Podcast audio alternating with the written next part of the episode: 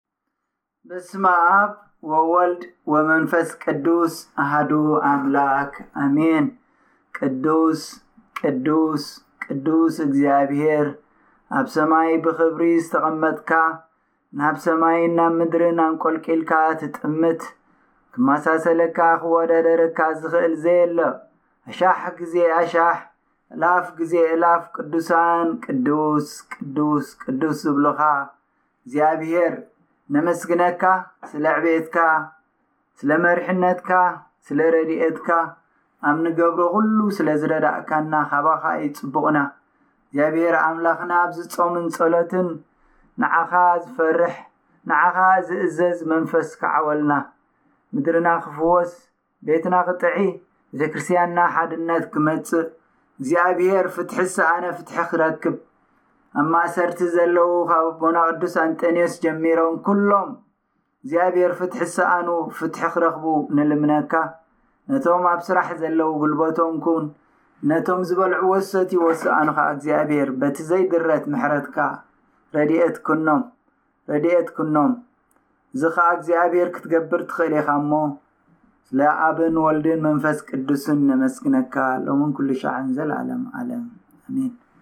ክብርን ምስጋናን ንእግዚኣብሔር ኣምላኽና ይኹን ዝኸበርኩም ኣቦታት ኣዴታት ኣሕዋት እዚ ብተኸታታሊ ነቲ ካብ ሰማይ ምውራዱ እንዳሓሰብና እንጾሞን እንጽልዮን ዘለና መዘኻኸሪ ክኾነና ብዓቕምና ዝዳለ ዘሎ ትምህርቲ እዩ። ዝኸበርኩም ኣቦታት ትሰምዑ ኩልኻትኩም እግዚኣብሄር ናብ ምድሪ ምምጽኡ ምስኡ ክዓርቀና ከም ዝደለየ ሃዋርያ ቅዱስ ጳውሎስ ኣብቲ ካልኣይ ቆሮንቶስ ምዕራፍ ሓሙሽተ ዓሰርተ ትሽዓተ ማለት ኣምላኽ ንዓለም ምስ ርእሱ ክዓርቕ ከሎ ኣብ ክርስቶስ ነበረ እሞ በደሎም ኣይሓዘሎምን ኣባና ኸኣ ቃል ዕርቂ ኣንበረ ምስ ኣምላኽ ክዓርቀና እግዚኣብሔር ካብ ሰማያት መጽዩ ጐይታናን መድሓኒናን የሱስ ክርስቶስ ኣምላኽ ኣማልኽቲ ንጉስ ነገስታት ዝሰኣኖ ዶ ይብሉ ኩሉ ብኡ ዝኾነ ካብቲ ዝኾነ ብዘይ ብኡ ዝኾነ ዋላ ሓደ የለን ዝተባህለ ንዓና ፍትሒ ክገብር ንዓና ምስ ኣቦኡ ክዓርቀና ንዓና ነቶም ርሒቕና ዘለና ብፍቓድ ኣቦኡን መንፈስ ቅዱስን ናብዚ ወረደ ቅዱስ ዮሃንስ ኣፈወርቂ ኣብቲ ሃይማኖት ኣበው ምዕራፍ ስሳን ሰለስተን ክፍሊ ክልተ ካብ ፍቕዲ ሓሙሽተ ዘሎ ብዛዕባ ምስ ኣምላኽ ክዓርቀና ካብ ሰማያት ምምጽኡ ክገልጽ ከሎ ስለምንታይ እዩ ኢሉ ይጅምር ካብ ህላዌና ወሰደ ዘይበለ ንህላዌና ደኣ ወሰዶ ዝበለ ኢሉ ብሕቶ ይጅምር ከምቲ ፍቕሩ ዝጠፍኦ ሰብ ክሳዕ ዝረኽቦ ድማ ደድሕሩ ዝጎይ እሞ ዝረኽቦ ህላዌና ካብ እግዚኣብሔር ጠፈእት ብጣዕሚ ዘገርም እዩ ካብኡ ድማ ኣዝያ ረሓቐት ክሳዕ ዝረኽባ ደድሕራኣ ጎየየ ሰዓባ ወሰዳ ድማ ንሳውን ተዋህደቶ ኢሉ ቅዱስ ዮሃንስ ኣፈወርቅ ማዕረ ክንደይ ካብ ኣምላኽ ከም ዝረሓቕና ክርስቶስ ከኣ ነዚ ክዓርቀና ከም ዝመጸ ክገልጽ ከሎ ከምዚ ኢሉ ብጣዕሚ እዩ ዝገርም ካብኡ ረሓቕና ካብኡ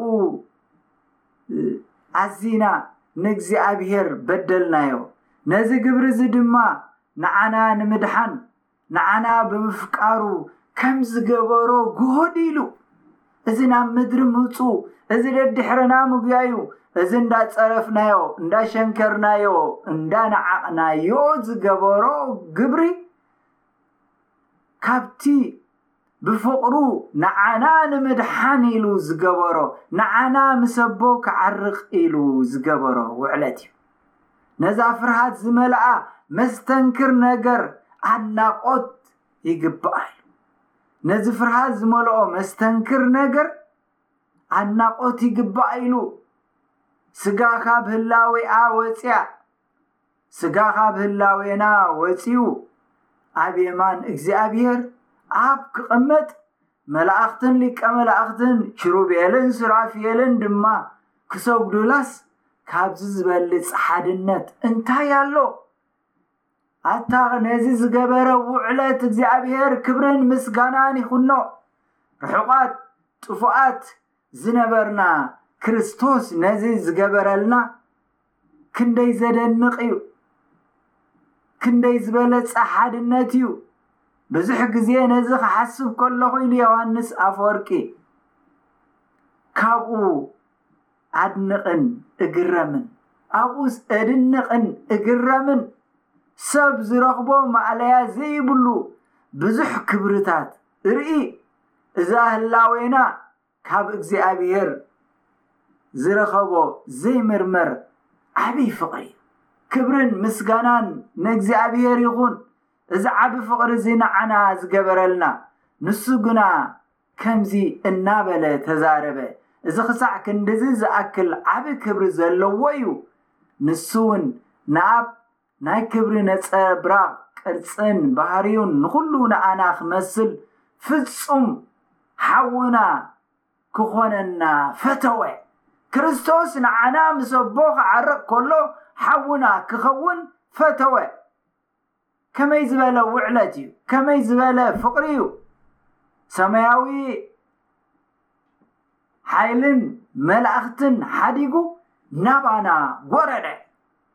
ሰማያውያን ሓይልታት መላእኽቲ ኣብ ሰማይ ቅዱስ ቅዱስ እንዳበሉ ዘመስግንዎ ዝሰግድሉ ዝእዘዝሉ ለይትን ምስ መዓልትን ብዘይ ዕረፍቲ ነዞም ሓይልታት እዚኦም ሓዲጉ ናባና ዝወረደ ምስ ኣቦ ክዓርቀና ኢሉ እዩ ክብርን ምስጋናን ንእግዚኣብሔር ይኹን ቀጺሉ ዮሐንስ ኣፈወርቂ እንታይ ኢሉ ካብ ህላወና ወሰደ ብዙሕ ሰናያት ከዓ ገበረልና ንሞት ደምሲሱ ንድያብሎስ ከኣ ካብ ስልጣኑ ሰዓሮ።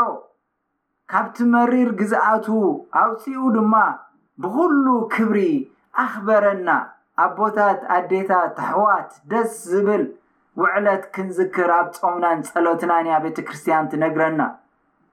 ሓውና ክኸውን ጥራይ ኣይኮነን ብዝበለጸ ደኣ ይቅረ በለልና ዳግም ከኣ ሓጥያትና ምእንቲ ክሓድግ ናይ ኣብ ሊቀ ካህናት ክኾነና ፈተወ ምእንትዚ ኣብ ልዕሊ ነገሩ ሰኺኹ ሓጥያት ህዝቡ ምእንቲ ከስተሰሪ ብእግዚኣብሔር ድማ እሙን ሊቀ ካህናት ኹሉ መሓሪ ክኸውን እየ በለ። ኣብቲ ዓሰርተ ሓሙሽተ ቁጽሪ ሓሊፉ ባዕሉ ጠመተና እሞ እነሆ ንእግዚኣብሔር ጸላእቱ ኮለና ተራኸበና ሃብቱ ንምዕቃብ ናብኡ ከቕርብ ዝኽእል ኪዳን ኮነ ወይ መስዋእቲ ከቶ ሓንቲ ነገር ኣይነበረናን ምእንቲ እዚ ይቕረ በለልና ካብቶም ኣብ ዙርያ ዝፋውንቲ ዝቖሙ ሓያላት ኮነ ካብ መላእኽቲ ንሊቀ ካህናት ኣየተንስኣልናን፣ እንታይ ደኣ ባዕሉ ሓደ ወዱ ክብሪ ንኣምላኽ ይኹን። ኣዝዩ ዘገርም እዩ፣ እንታይ ደኣ ባዕሉ ሓደ ወዱ ወረደ፣ ካብ ህላውነት ሰብ ካብ ህላውነት ሰብ ኮይኑ ድማ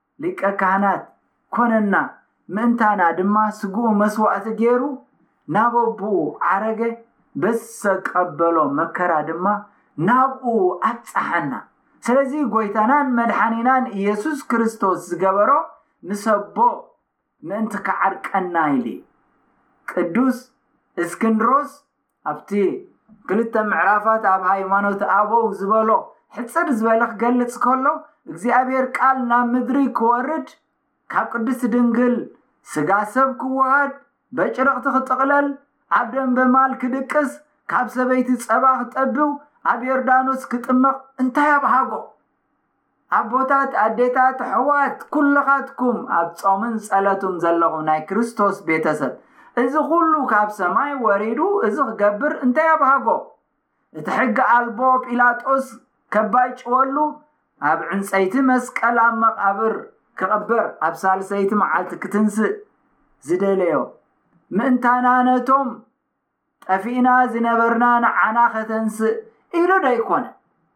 ንዓና ካብ ውድቀትና ከተንስእ ዶ ኣይኮነን? ንዓና መሰቦ ክዓርቀና ዶ ኣይኮነን?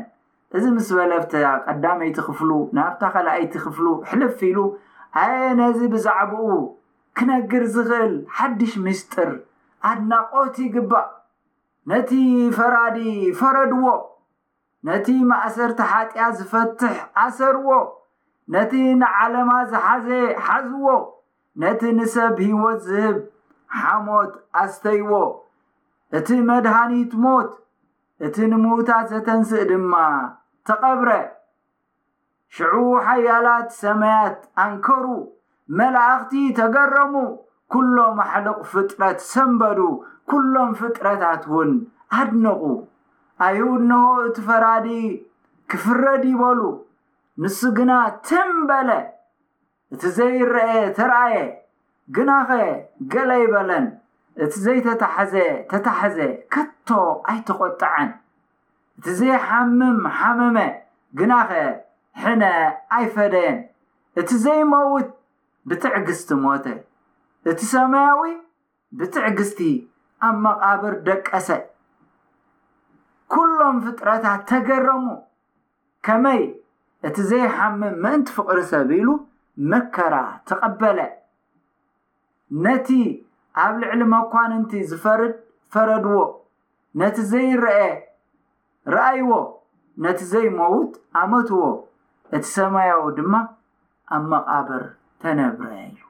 ኣቦታት፣ ኣዴታት፣ ኣሕዋት፣ ኩላኻትኩም ናይ ክርስቶስ ቤተሰብ፣ ቤተክርስቲያንና ካብ ሰማይ ምውራዱ ውዕለቱ ኣዘንቲኻ ዘይከኣል ተዛሪብካ ዘይውዳእ ውዕለት እዩ እሞ ኣብዚ ጾምናን ጸሎትናን ምስ ኣምላኽ ክዓርቀና ካብ ሰማይ ዝመጸ ጎይታናን ኢየሱስ ክርስቶስ መድሓኒና እንዳዘከርና ጾምና ብሰላምን ብድሓንን ክንፍጽም ሰማያዊ ዝኾነ ሓሳብ ክህልወና እግዚኣብሔር ይርድኣና ንኣብን ንወልድን ንመንፈስ ቅዱስን ምስጋና ይኹን ሎምን ኩሉ ሻዕን ንዘለኣለም ኣለም ኣሜን።